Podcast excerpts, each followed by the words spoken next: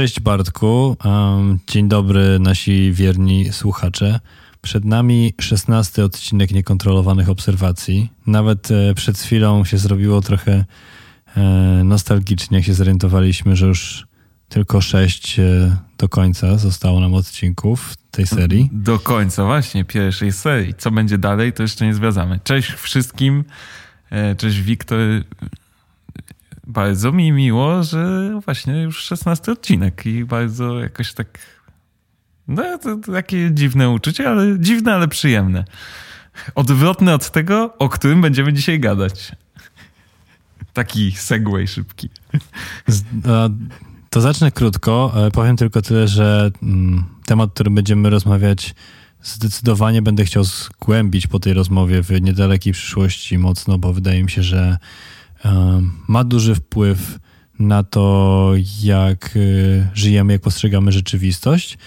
Um, ale tak jak powiedziałem, zacznę krótko, więc Bartek, o czym będziemy dzisiaj rozmawiać? W takim razie, e, dzisiaj zainspirowani e, przeczytaną przeze mnie ostatnio całkiem dobrą książką pod tytułem Błądzą wszyscy, ale nie ja. E, tenże tytuł strasznie mi się podoba. E, chciałem, żebyśmy pogadali dzisiaj o dysonansie poznawczym, czyli takim bardzo poważnym i trochę może wybujałym określeniu na to, w jaki sposób usprawiedliwiamy decyzje, nawyki i działania, które są, są dla nas szkodliwe, błędne i, i, i wywołują w nas jakieś e, negatywne emocje i jak, jak się kurczowo tychże negatywnych nawyków trzymamy. Okej, okay. E, brzmi to dosyć poważnie, faktycznie. E, trudne słowa, też dys dysonans się pojawiły, poznawcze słowo się pojawiło, trudne słowa się pojawiły dla mnie szczególnie. I też ta definicja była dosyć krótka jak na, jak, jak na razie, więc e, może powiesz nam jeszcze kilka słów o tym, czym jest ten dysonans poznawczy. Rozwiniesz trochę tą definicję. Tak, rzeczywiście była, to, była to była definicja jak z lidu jakiegoś yy, plotkarskiego artykułu. E, żeby zachęcić i utrzymać waszą uwagę jak najszybciej, ale mm, przechodząc już bardziej, bardziej do rzeczy i do konkretów. Według takiej definicji, bazując przede wszystkim na, na definicji autorów, właśnie błądzą wszyscy, e, ale nie ja. Dysonans poznawczy to jest e, takie nieprzyjemne uczucie, taki stan napięcia, pojawia się u danej osoby, kiedy mm, występują jednocześnie dwa elementy poznawcze, e, czyli jakieś myśli, postawy, przekonania i opinie, które są ze sobą sprzeczne. Znowu dwa elementy poznawcze brzmią strasznie poważnie i, i, i bardzo skomplikowanie, ale posłużę się tutaj y, bardzo prostym, ale bardzo moim zdaniem przemawiającym do, e, do wyobraźni przykładem, który jest też w książce. E, to znaczy, jestem nałogowym palaczem, ale otaczają mnie wszędzie wokół mnie dowody na to, że palenie jest kompletną głupotą i niszczy mój organizm i prowadzi do mojej rychłej śmierci. I w tym momencie, kiedy właśnie obserwuję, doświadczam tych dowodów, a jednocześnie mam swój wyrobiony, silny nawyk i przekonanie, że palę papierosy, bo chcę to robić, to właśnie odczuwamy taki dysonans poznawczy, taki stan tego, że przecież chcę być zdrowy, chcę żyć długo, a jednak palę te papierosy, które sprawiają, że, że, że umrę szybciej, moje życie będzie gorsze i tak dalej, i tak dalej. I w zależności oczywiście od wagi danego zagadnienia, ten dysonans poznawczy wywołuje u nas dyskomfort psychiczny różnej skali, od takiego powiedzmy lekkiego ukłucia, to znaczy coś mi, coś mi tu nie pasuje, coś jest nie tak, po naprawdę takie dominujące cierpienie, no, kto, kto, z którym nie, nie potrafimy się zmierzyć. No, zagadnienie typu właśnie yy, nałogowy palacz otoczony dowodami na to, że, że to palenie jest szkodliwe dla naszego życia. No to jest, to jest y, taka już dużo poważniejsza decyzja.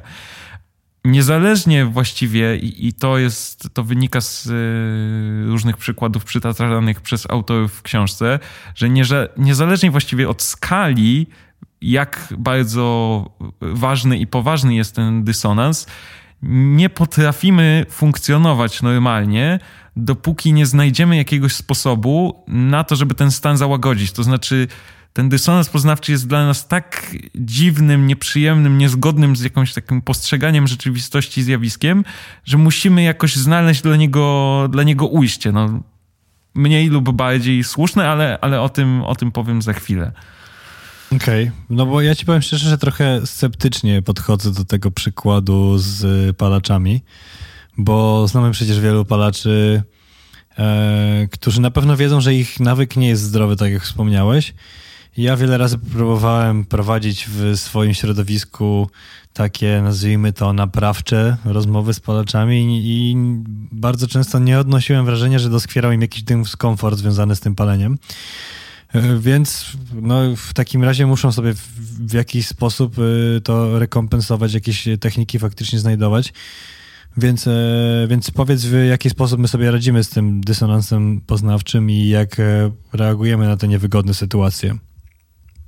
Jasne, to odnosząc się jeszcze na chwilę do tego przykładu, myślę, że to, co jest kluczowe, to, że ten często właśnie akurat w przypadku palaczy no, y, ten dysonans jest bardziej wewnętrzny i oni raczej na zewnątrz już y, wyraźnie komunikują to, że, że palą. To jest oczywiście ich świadoma decyzja i oni to robią, bo chcą, ale no, ten, ten dysonans poznawczy tego, że jednak robię coś, co jest dla mnie e, bardzo niezdrowe, no dzieje się gdzieś tam wewnętrznie i już jakby efektem tego poradzenia i zmniejszenia tego dysonansu poznawczego jest, jest pewność siebie w tej dalszej rozmowie, dlaczego nie przestanę palić papierosów, nie wiem, bo, bo chcę, bo sprawia mi to przyjemność i tak dalej, i tak dalej. Ale właśnie o tych metodach i sposobach na to, jak sobie radzimy z tym dysonansem poznawczym, chciałem, chciałem opowiedzieć i myślę, że, że tych sposobów jest wiele i, i każdy pewnie ma jakiś e, swój ulubiony, który mniej lub bardziej świadomie stosuje, kiedy się pojawia właśnie to dziwne uczucie tego dysonansu poznawczego. Oczywiście z perspektywy takiej takiego dążenia do prawdy, zdobywania jakiejś rzetelnej wiedzy, rozwoju, racjonalnego myślenia i, i tak dalej, takich pięknych ideałów. Najlepszy sposób na, na poradzenie sobie z dysonansem poznawczym to jest po prostu konfrontacja naszych poglądów z tym, co, e, co do, dotarło do nas jakoś z zewnątrz i ich zmiana zgodnie z tym, jakie są powiedzmy jakieś obiektywne, rzeczywiste przysłan przesłanki, e, e, które jakoś nas e, ze, ze świata zewnętrznego docierają. No, jednocześnie myślę, że gdybyśmy stosowali wyłącznie taki sposób na złagodzenie dysonansu poznawczego, to pewnie by nie było tej książki, e, o której mówiłem już na wstępie, pewnie by nie było naszej rozmowy, a mówiąc już tak zupełnie poważnie, pewnie nie byłoby wielu wojen, nie byłoby nałogowych palaczy i wielu problemów, o których, e, o których rozmawiamy. E, dlatego mam kilka takich przykładów na to, jak radzimy sobie z edukowaniem dysonansu poznawczego, powiedzmy na skróty. E, pierwszy z nich to jest coś, co ukrywa się pod kolejną skomplikowaną nazwą. Dzisiaj tych terminów może trochę będzie, ale e, nazywa się to teorią autoafirmacji i to jest taka teoria, która zakłada, że kiedy moja samoocena jest jakoś zagrożona i odczuwam dysonans poznawczy, to robię wszystko, co w mojej mocy, żeby ten, e, tenże dysonans zredukować, przywołując jakieś inne aspekty mojej osoby, które pozwalają mi zachować o sobie dobre mniemanie, jednocześnie nie zmieniając tych, e, tych, tych szkodliwych e, i, i niewłaściwych poglądów czy nawyków. Wracając do, do przykładu nałogowego palacza, który właśnie skonfrontowany jest z, ze szkodliwością swojego nałogu, żeby zredukować dysonans poznawczy, może po prostu e, rzucić palenie, co oczywiście byłoby najprostszym rozwiązaniem i, i, i bardziej e, przywołuje to, to, tą szlachetną ideę, o której, o której mówiłem przed chwilą. ale e, z jakichś powodów może nie chcieć tego zrobić i to pewnie prowadząc rozmowy naprawcze się z tym spotkałeś. A takie ciągłe właśnie życie w tym, w tym dysonansie i w otoczeniu tych dowodów na to, że palenie jest szkodliwe, no jest kompletnie nie do zaakceptowania. I, I w tym miejscu właśnie wjeżdża taka autoafirmacja, i mówimy sobie, że tak, palę papierosy, ale za to jestem dobrym przyjacielem, świetnym kompanem do towarzystwa, czy, czy, czy jakąś inną tutaj cechą i, i postawą, która, która kojarzy się nam pozytywnie i która buduje jakąś naszą, naszą pozytywną samoocenę. I to pozwala mi zredukować ten dysonans poznawczy, jednocześnie nie zmieniając tego szkodliwego, tego szkodliwego nawyku. Um, to tak trochę jak usprawiedliwianie głosowania na Konfederację e, popieraniem ich postulatów e, ekonomicznych? No, mo, mo, może taki daleko idący przykład, ale. ale ale je, jeśli do ciebie przemawia, to, nie, to niechaj tak będzie. drugi taki ciekawy dla mnie sposób... Nie na... mogłem się powstrzymać, żeby uszczypnąć po prostu kilka osób, które potencjalnie no dobrze, daje no, swoje głosy rozumiem. na to ugrupowanie. Drugi taki ciekawy, szczególnie dla mnie sposób na, na zmniejszenie tego dysonansu poznawczego to kolejny skomplikowany termin, e, błąd konfirmacji E, czyli sytuacja, kiedy po prostu ignorujemy lub krytykujemy informacje i dowody, które mogłyby zaprzeczyć słuszności naszych, naszych przekonań. E, tutaj się posłużę e, przykładem z książki. Kiedy w 2003 roku okazało się, że Irak nie dysponuje bronią masowej zagłady, o czym wcześniej przekonywał rząd USA z prezydentem Bushem i wiceprezydentem Dickiem Cheney na czele. Amerykanie, którzy popierali wojnę, zaczęli odczuwać no, ogromny dysonans poznawczy. Tak? To znaczy, poparli mm, atak Stanów Zjednoczonych na Irak, poparli wojnę, która się okazała no, nieuzasadniona, bo głównym argumentem właśnie było to, że, e, że, że Irak dysponuje bronią masowego rażenia. I u, uwierzyli temu prezydentowi i co my teraz mamy, co oni teraz powinni zrobić. I tutaj prze, przeprowadzono takie badania, że dla demokratów, e, którzy się nie zgadzali w wielu kwestiach z administracją Busha, ale poparli wojnę w Iraku, rozwiązanie było stosunkowo proste. Prezydent albo kłamał, albo uwierzył w nieprawdziwe informacje i dał się przekonać, albo komuś zmanipulować. Republikanie znowu się pomylili. Ja dałem temu wiarę, ale na szczęście zmądrzałem. E, jest okej, okay, żyjemy dalej. Nie, nie, niesłusznie zaangażowaliśmy się w tą, w, tą, w tą wojnę. Z kolei republikanie Mm, mieli dużo trudniejszą sytuację i dużo mocniejszy dysonans poznawczy, bo Bush był republikańskim prezydentem, byli przekonani jego wyborcy o jego nieumylności do tego stopnia, że, że w sondażach przeprowadzonych właśnie w 2003 roku twierdzili oni, że broń masowej zagłady została znaleziona w Iraku, mimo tego, że prezydent przyznał, e, przyznał się do tego, że, że to się tak nie stało. I y, kolejny y, taki aspekt tego błędu konfirmacji sprawia też, że, że ludzie postrzegają brak dowodów jako dowód przemawiający za trafnością swoich przekonań. I, i myślę, że, y, że, że każdy z nas pewnie znalazłby sobie taką sytuację, w której, w której mógł się złapać na czymś takim. E, pozostając w Stanach Zjednoczonych, tutaj się posłużę nieco bardziej aktualnym, może trochę absurdalnym przykładem, ale niechaj tak będzie. E, chodzi mi bowiem o e, grupę QAnon i teorię spiskową tworzoną przez jej zwolenników, według której między innymi skorumpowani politycy amerykańscy, wysokie randzy urzędnicy i celebryci, e, zniewoleni przez szantaż bądź skorumpowani przez taką międzynarodową grupę przestępczą, tutaj się pojawia takie określenie deep state, e, mają brać udział w przemycie ludzi, seksualnym wykorzystywaniu dzieci, a niektórzy nawet mają odprawiać satanistyczne rytuały związane ze składaniem ofiar z ludzi. I to jest teoria, w którą kuanonowcy wierzą.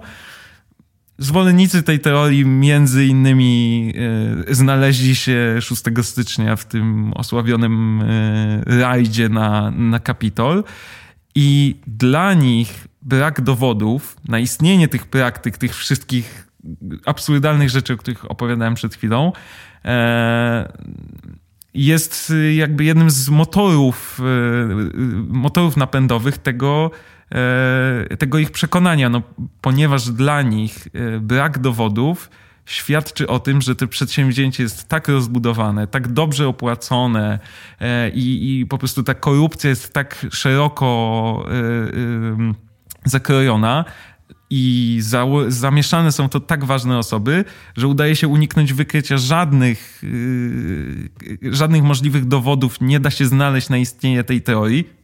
Oczywiście dlatego, że jest, że jest nieprawdziwa, no ale, ale dla, dla kogoś, kto jest tak, tak ma głęboko zakorzenione jakieś przekonania, no, no jest niemożliwe przyznanie się do, do tego, że wierzyłem w coś głupiego, więc nawet jakby rzeczywiste i realne e, sytuacje zupełnie przeczące temu, e, temu w co E, w co wierzymy, no nie są w stanie nas do tego, do tego zmotywować. No, mogą e, mieć efekty no bardzo, bardzo dla nas groźne, no i akurat ten przykład grupy QAnon jest, jest właśnie takim przykładem tego, jak może się to przeradzać, w, czy to po prostu w jakąś, jakoś, jakoś daleko idące po prostu odklejenie od rzeczywistości, no ale, ale już tak realną jakąś agresję, niechęć i, i, i przemoc. Um, ale żeby, żeby nie, nie było aż tak, tak ciężko, to, to jeszcze taka kolejna koncepcja, e, którą przywołują autorzy e, w, w tej książce na, na radzenie sobie i, i jakieś e, mierzenie się z tym dysonansem poznawczym, to jest E, piramida wyborów, e, czyli coś, co, co pojawia się w sytuacji, kiedy stoimy przed, przed jakąś trudną decyzją i każda z opcji ma jakieś swoje wyraźne wady i zalety. No i jest to zupełnie normalne w większości ważnych wyborów życiowych. I, um, i, i, um, i każda, e, każda, kiedy stoimy jeszcze przed tym wyborem, każda, każda ze stron, czy każde, y, każdy z wyborów wydaje się być realny, sensowny, uzasadniony. Kiedy jednak podejmiemy decyzję w kierunku jednej ze stron, powoli schodzimy do, do do podstawy tej piramidy, oddalając się, e, oddalając się od jej czubka i odtracąc powiedzmy widok na to, co, co, co mogło się ukrywać po, po drugiej stronie. I ta początkowa niepewność sprawia, że koniecznie musimy uzasadnić podjętą decyzję, żeby pozbyć się wątpliwości, że mogłem podjąć tą drugą decyzję. W ten sposób uruchamiamy taki samo napędzający się mechanizm działania, uzasadnienia tegoż działania i kolejnego działania, które ma które jest efektem tego uzasadnienia i, i, i takiego, takiej błędnej spirali, która sukcesywnie kieruje nas do zdecydowanego wyboru u, u jednej ze stron i, i stawia nas u podstawy tej piramidy w momencie definitywnego podjęcia jakiejś decyzji, realizacji działań i serii tych usprawiedliwień, znajdujemy się na dole piramidy, a to uczucie niepewności zostaje zastąpione przez niezachwianą pewność tego, że tylko wybrana przeze mnie opcja może być słuszna, a ci, którzy wybrali e, inaczej, są po prostu ode mnie tak daleko, jak to jest tylko możliwe. Na podstawie tego mechanizmu oddzielamy, powiedzmy, nas, tych porządnych ludzi i innych, czyli tych złych, bo przecież jestem tak daleko od jakichś właśnie poglądów, jakichś przekonań, jakichś decyzji, że nie mógłbym nigdy wybrać inaczej. Tu można się posłużyć takim przykładem, e, na którym ja się parę razy złapałem, e, wracając e, pamięcią do różnych decyzji i, i czytając tą książkę, że kiedy stoimy przed jakąś ważną decyzją, powiedzmy zakupową, czy to nie wiem, jest zakup mieszkania, samochodu, czy jakiegoś, czy czegoś, co jest dla nas szczególnie ważne, drogie, wartościowe, to i, i mamy jakieś dwie opcje do wyboru, powiedzmy duży dom na przedmieściach albo mniejsze mieszkanie w centrum miasta, no to przed tą decyzją e, widzimy wady i zalety obydwu tych rozwiązań.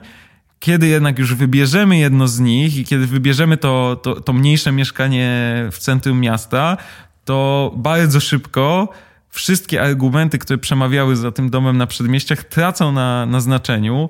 Smog nie staje się żadnym problemem, korki również nie są wcale żadnym kłopotem, a te długie dojazdy i, e, i ogródek, którym się trzeba zajmować, wcale nie, te długie dojazdy są kompletnie bez sensu, a ogródek, którym się trzeba zajmować, również nie jest wcale żadną zaletą, natomiast mieszkanie w centrum ma tylko i wyłącznie zalety i, i, i nigdy w życiu bym nie wybrał inaczej, mimo tego, że jeszcze czasami kilka chwil wcześniej byliśmy może gotowi podjąć tą drugą decyzję. Mm.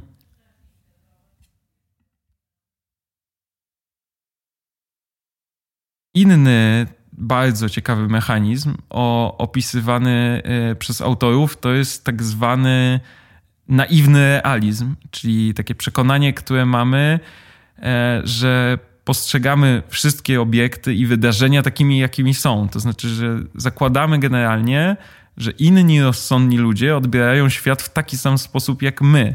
E, opieramy to o, o, o takie dwa główne założenia. To znaczy, że ludzie otwarci i uczciwi powinni się zgodzić z rozsądną opinią, a wszystkie moje opinie i przekonania są rozsądne. Gdyby takie nie były, to bym nie, nie wierzył w ich słuszność i nie uznawałbym je za właściwe.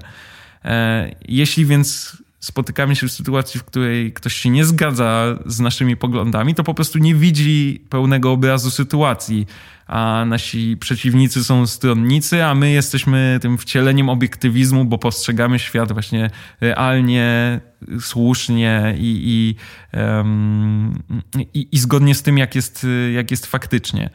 E, tutaj przytoczę taki, taki przykład, jeszcze utrzymując się w tym klimacie amerykańskim, e, który, który w trakcie tej naszej rozmowy dominuje. To e, psycholog, psycholog społeczny Jeffrey Cohen e, przeprowadził takie badanie, z którego wyniknęło, że zwolennicy demokratów są w stanie poprzeć bardzo restrykcyjną propozycję polityki jakiejś społecznej, która e, wyszłaby co do zasady z ręki, spod pióra republikanów, jeśli dostaną informację, że autorami tej propozycji jest Partia Demokratyczna. Analogicznie zachowali się zwolennicy republikanów, którzy popierali bardzo hojną i taką postępową e, politykę opieki społecznej, jeśli tylko byli przekonani, że, że jej autorem byli przedstawiciele popieranej przez nich partii republikańskiej. Jeśli jednak utrzym, utrzymując dokładnie te, te, same przykłady i, i przedstawiając tą samą propozycję z informacją o realnym, o realnym jej pochodzeniu, które to pochodzenie jest y, powiedzmy tymi, tą grupą przeciwników politycznych, automatycznie zarówno jedni, jak i drudzy yy, oceniają te propozycje jako absurdalne, niemożliwe do zrealizowania i, i kompletnie jakby nieprzystające do rzeczywistości bo właśnie w tym, w tym naszym naiwnym realizmie zakładamy, że tylko to, co jest zgodne z naszymi przekonaniami, czy to politycznymi, społecznymi, czy jakimikolwiek, jest możliwe do zrealizowania. A ci drudzy, czyli republikanie, zwolennicy innej partii i tak dalej, nie mogą mieć racji, no bo po prostu nie widzą pełnej, pełni, pełni tego, tego właściwego świata, który, który my widzimy. No to opowiedziałeś nam, jak się dysonansowi poznawczemu dać zrobić e, i w jaki sposób on zmienia to, jak postrzegamy rzeczywistość, a może zrobimy taki mały, klasyczny warsztat 22 niekontrolowanych obserwacji i, um, i powiesz nam, co, co zrobić, żeby się dysonansowi poznawczemu nie dać zrobić. No, chciałbym, żeby była w tym, tym wszystkim jakaś taka jedna prosta odpowiedź, no ale jak to często bywa z trudnymi pytaniami, nie ma na nie prostych odpowiedzi i nie powinniśmy się oszukiwać, że takie są. Oczywiście, no, przygotowując, przygotowując te przykłady, czytając te książki, nieraz mi się przypomniały sytuacje z własnego życia, kiedy ja próbowałem jakoś zedukować ten dysonans poznawczy w sobie. I myślę, że to właśnie jest jakiś taki pierwszy etap tego, jak się y, dysonansowi poznawczemu nie dać zrobić. To znaczy e, i, i temu, jak przestać się usprawiedliwiać. Lepsze zrozumienie tego, jak działamy, jakie są powody i przyczyny, dla których podejmujemy takie decyzje, w jaki sposób podejmujemy te wybory i świadomość tego, tych właśnie takich skrótów, które czasem wykonujemy, e, wykonujemy mentalnych, no, jest, jest takim pierwszym krokiem do tego, żeby, żeby rzadziej te drogi na skróty obierać. Oczywiście no to, jest, to jest proces, który wymaga, wymaga czasu, ale myślę, że, że warto zacząć od tego, żeby um, trochę uważniej się temu przyglądać, żeby zacząć od tego analizowania sobie może trochę wstecznie, dlaczego podejmowałem takie decyzje, a nie inne. Czy przypadkiem to nie było właśnie y, podyktowane jakimiś takimi różnymi metodami i drogami na skróty? No i, i bardziej świadome podchodzenie do tych decyzji, które są przed nami to, to jest oczywiście proces, który wymaga czasu i chęci, ale, no, ale na koniec dnia myślę, że może przynieść tylko pozytywne efekty. Wspomniałeś na początku, że przyczynkiem e, do wybrania tematu tej rozmowy była książka Błądzą wszyscy, ale nie ja. A jak e, dobrze wiemy z nas dwóch, to na pewno ty możesz być sprawniejszym recenzentem e, literatury. E, więc moje kolejne pytanie brzmi, jak, to, jak, to, jak tam właściwie jest z tym błądzą wszyscy, ale nie ja. Warto, nie warto? Jeżeli warto, to co z niej wyciągnąłeś? No, myślę, że, że, że bez obaw mogę polecić i mogę powiedzieć, że warto. Yy, jako taki, yy, taki mm, przykład tego, dlaczego warto i trochę co, co ta książka mi dała, no to mogę bez obaw powiedzieć, że, że przeczytanie właśnie Błądzą Wszyscy zryło mi, mi trochę banie i to taki, w taki pozytywny sposób. To znaczy, że te różne eksperymenty i, i historie, które obrazują to, jak, jak próbujemy sobie poradzić z dysonansem poznawczym, i nazywane są czasami przez e, autorów martwymi punktami w naszym mózgu, sprawiają, że um, trochę zacząłem funkcjonować jak taki jak wiesz, no, taki poszukiwacz skarbów na plaży z tym, e, z tym wykrywaczem metalu, który chodzi i tam szuka tych kapsli. Znaczy, oczywiście szuka skarbów, ale zazwyczaj znajduje kapsle. I, i, I zdarza mi się tak obserwować siebie samego, ale też ludzi wokół i, i wyłapywać takie sytuacje, jak, w których ktoś próbuje zmniejszyć sobie dysonans y, poznawczy y, w ten sposób albo w inny, y, analogiczny do, do przykładów przytoczonych w książce. A jest ci prościej dostrzegać to raczej u siebie, czy jest ci prościej to dostrzegać u ludzi na zewnątrz? Myślę, że, że zawsze chętniej szukamy takich przykładów na zewnątrz.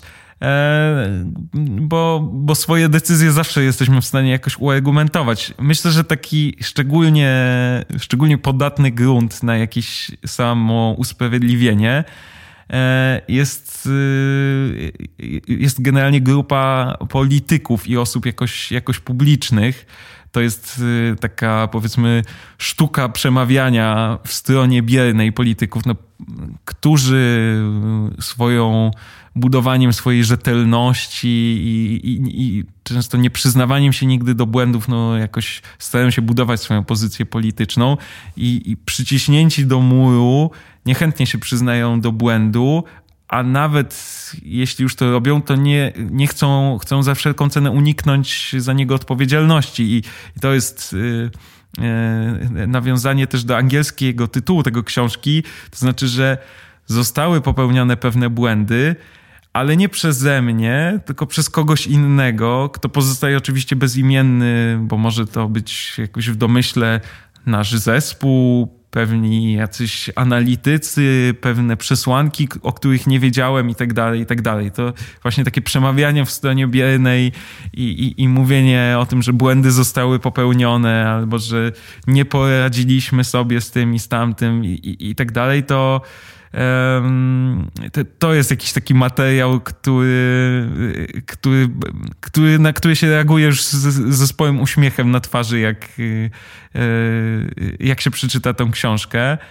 E, ale, ale żeby, żeby nie było, że to, że to jest tylko sposób na to, jak e, można wyłapać jakieś smaczki z, z wystąpień polityków wszystkich frakcji właściwie, czy, czy też z jakichś e, opowieści e, znajomych czy, czy rodziny, e, no to, to, to naprawdę myślę, że wpłynęło na mnie i zyło, często zyło mi banie też to, jak, jak samemu się jednak łapie na tych, na tych metodach samousprawiedliwiania i, i, i redukowania tego dysonansu poznawczego. No oczywiście trudniej się na tym złapać samemu, bo zawsze znajdziemy uzasadnienie dla swoich decyzji, ale, ale na pewno daje to taką większą świadomość i, um, i, ja często czytając tę książkę wracałem sobie pamięcią do jakichś takich sytuacji z mojej własnej przeszłości, które sprawiło, że które, które przy, przywołały dla mnie właśnie takie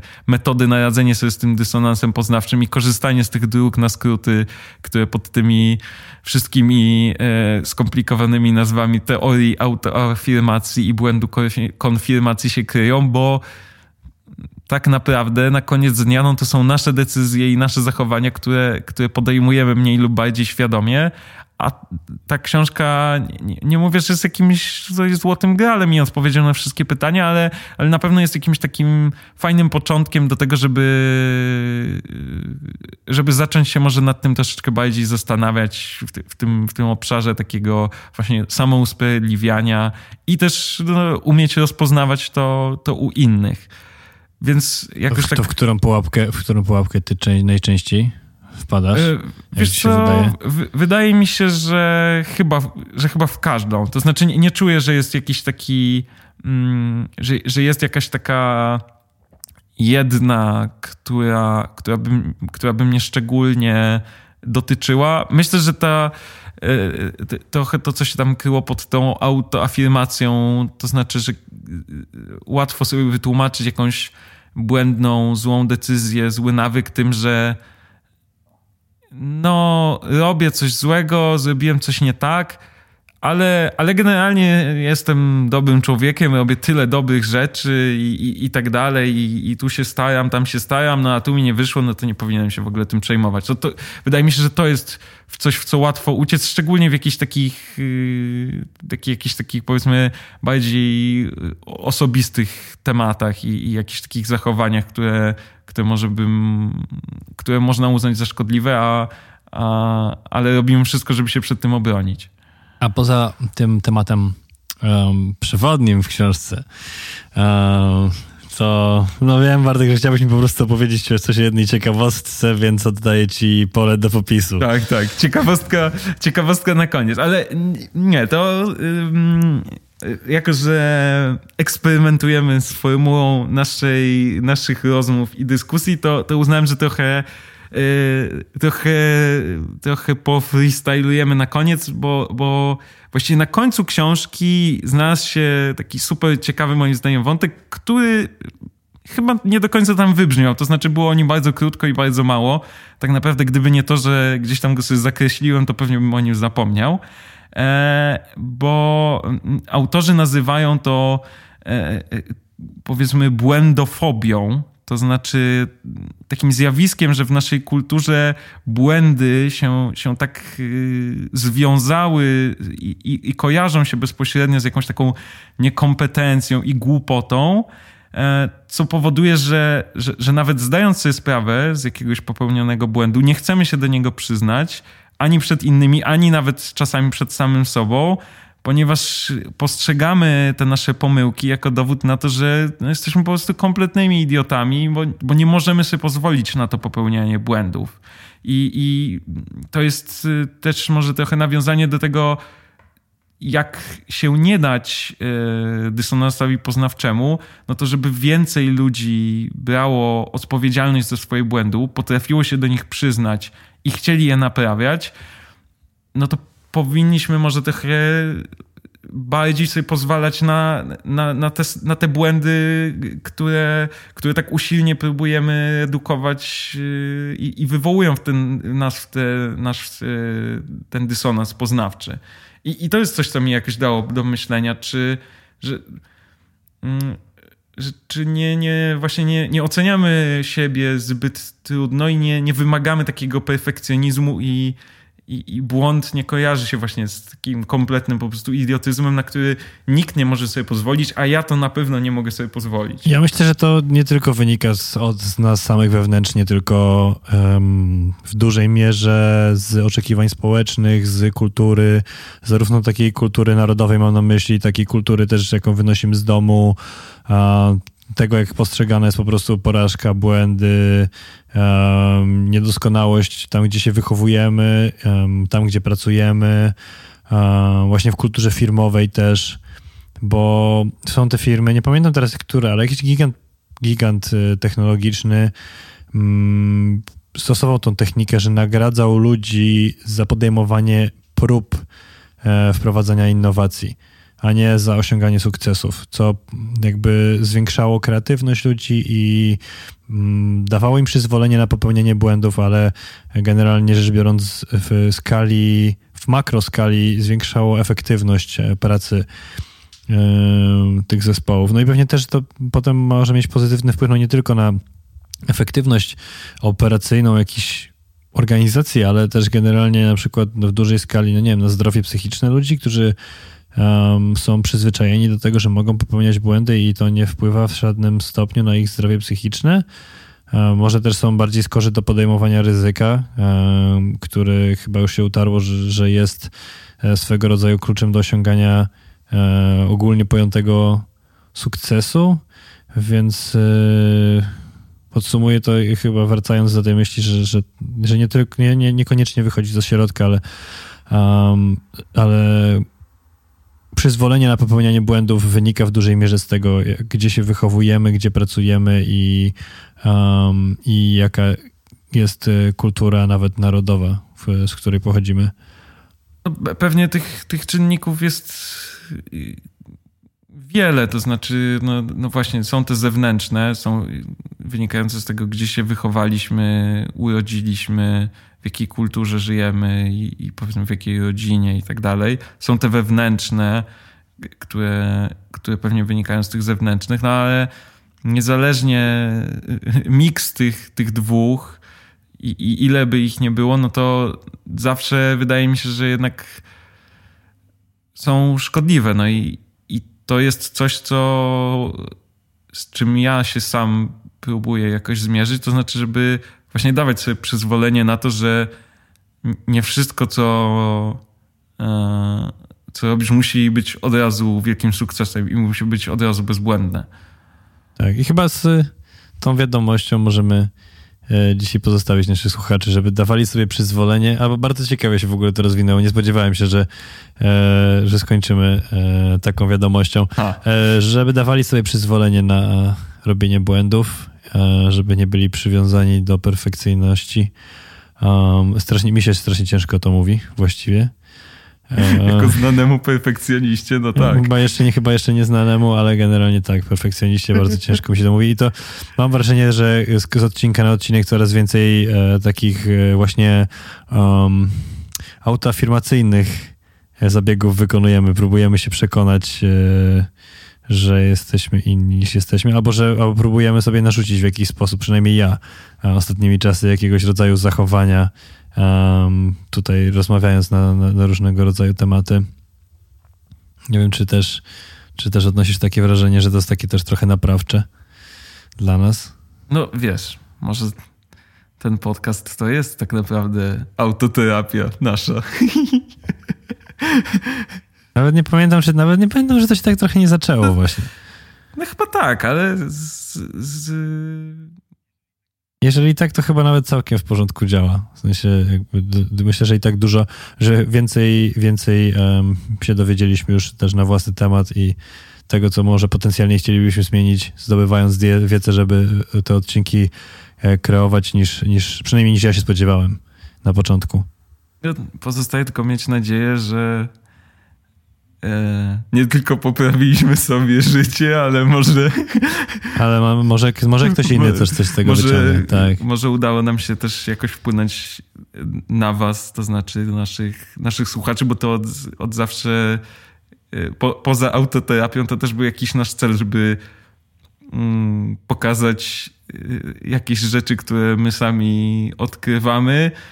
Nie w roli ekspertów, tylko w roli może jakichś takich pierwszej tury królików doświadczalnych, a nasi słuchacze mogą zostać tą drugą lepszą, która, która jakoś skorzysta na tym jeszcze bardziej. Tak, uczcie się, uczcie się na błędach innych, naśladujcie dobre zachowania innych. No dobrze. Dziękuję Ci, Bartku, za dzisiejszą rozmowę. A eksperymentowanie z formatami jest bardzo przyjemne. Tym podniosłym zakończeniem się żegnamy. E, dziękujemy Was serdecznie, że nas wysłuchaliście. Jeśli dotrwaliście do końca tego e, rollercoastera, e, powiedziałbym em, emocjonalno-światopoglądowego, który zrobiliśmy na koniec, to, to dajcie znać, co o tym myślicie, czy wam się to podoba, czy wam się nie podoba. No i co? Słyszymy się za tydzień. Tak. I słyszymy się niedługo. Trzymajcie się, cześć. Na razie.